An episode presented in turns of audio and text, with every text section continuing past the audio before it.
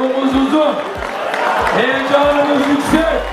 Cumhurbaşkanı Tayyip Erdoğan İstanbul ve Ankara belediyelerini kaybettikten sonra muhalefete tavrını sertleştirdi. Ya sen kimsin ya? 2019'un sonunda dişine göre muhalefet bulamamaktan yakınıyordu. Geride kalan iki yılda her türlü yöntemle muhalif başkanları sindirmeye çalıştı. Fakat amacına ulaşamadı. Önceden sadece HDP'li belediyelere kayyım atamakla yetinen reis, yeni bir şey denemeye başladı. Hemen anında hiç beklemeden yine biz kayyumlarımızı atarız. İki buçuk yıldan beri Türkiye'nin dört bir yanındaki muhalif belediyeleri farklı yöntemlerle baskı altına alıyor iktidar. Bazen projeleri engelliyor, bazen de hesaplara el koyuyor.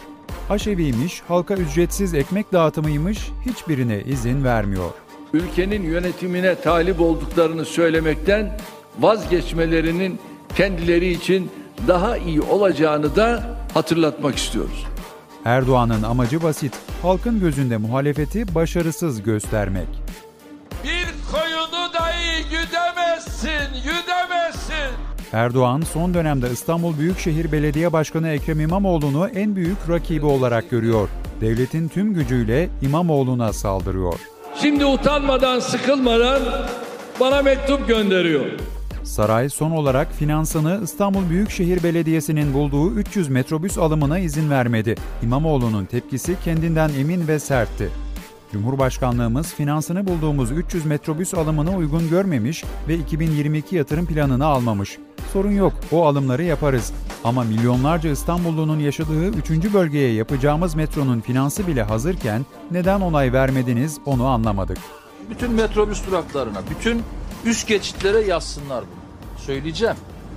Yazsınlar. Neyi yazsınlar? Ey halkımız, sizin metroyla buluşmanızı engelliyorlar. Sizin 300 tane yeni metrobüs otobüsüyle buluşmanızı engelliyorlar. Zaten geciktirdiler. Çoktan olurdu onlar. Engelliyorlar. Ben bunu bugüne kadar yapmadım. Şimdi af- afişe edeceğim. Şimdi bunları her yere yazacağım. Ve insanlarımızın duymasını sağlayacağım. Peki Erdoğan yönetimi daha önce İmamoğlu'na neler yapmıştı? En dikkat çekeni teröristleri işe alıyor suçlamasıydı. 2000 kişiye ancak bakıldı. 455 tanesinin PKK ve KCK kaydı var. 80'inin DHKPC kaydı var. 20'sinin MLKP kaydı var.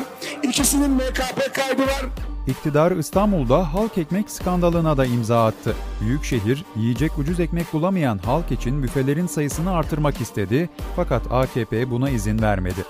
vatandaşa hijyen koşullarda sağlıklı ekmeği ulaştırmak bizim temel amacımız. Aslında tabii ki 1 liraya ekmek satılıyor ve 1 liraya ekmek satıldığı için de halk halk ekmeği çok tercih ediyor. Bakırköy'de hatırlayacaksınız bir büfe yakılmıştı, ateşe verilmişti.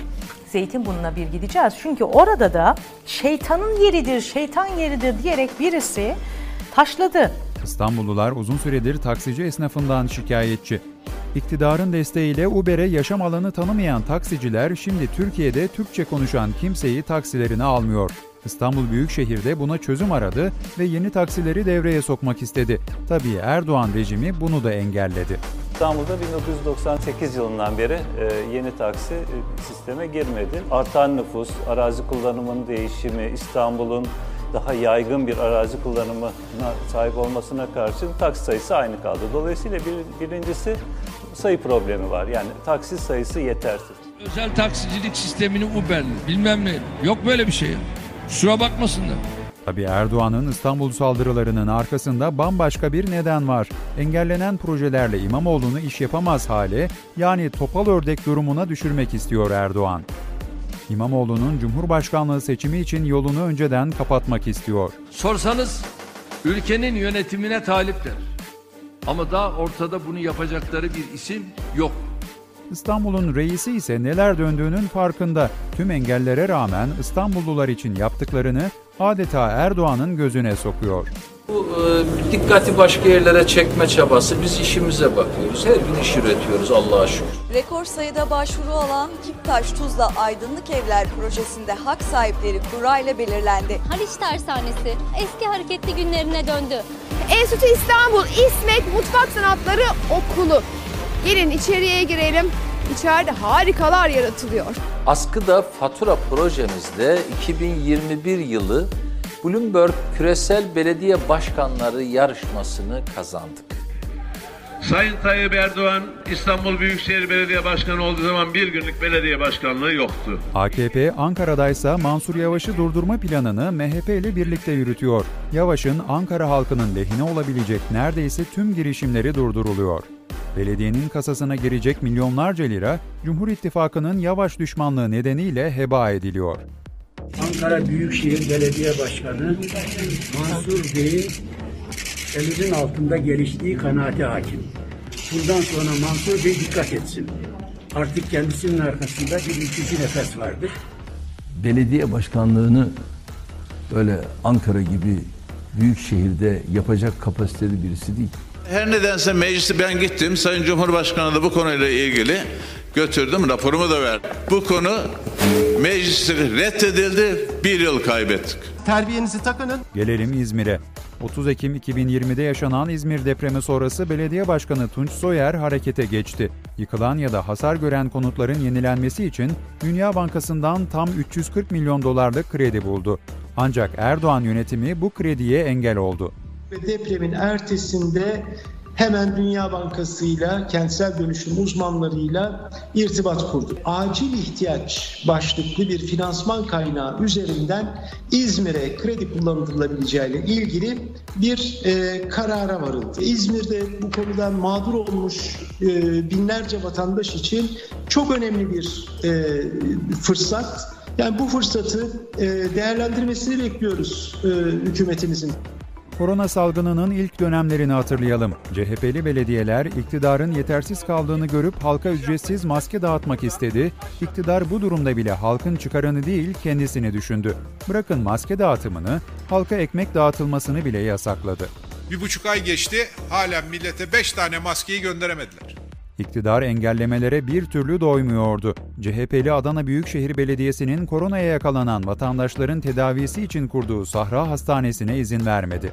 Adana Belediye Başkanı Zeydan Karalar'ın pandemi için yaptığı Sahra Hastanesi'ne karşı çıkanlar salgın patlayınca o çözüme muhtaç oldu. Hastanenin kapısına kilit vuran zihniyet on binlerce fakirin karnını doyurduğu aşevlerini de hedef aldı. Süleyman Soylu, İçişleri Bakanı olarak bir genelge yayınladı, kendilerinden habersiz kimsenin fakirleri doyuramayacağına hükmetti. Önce Antalya'da, ardından Eskişehir'de belediyelere ait aşevlerinin bağış hesapları kapatıldı. Sonra da devamı geldi. Aşevi, aşevi yoksula yemek dağıtıyor. Aşevinden bahsediyorum.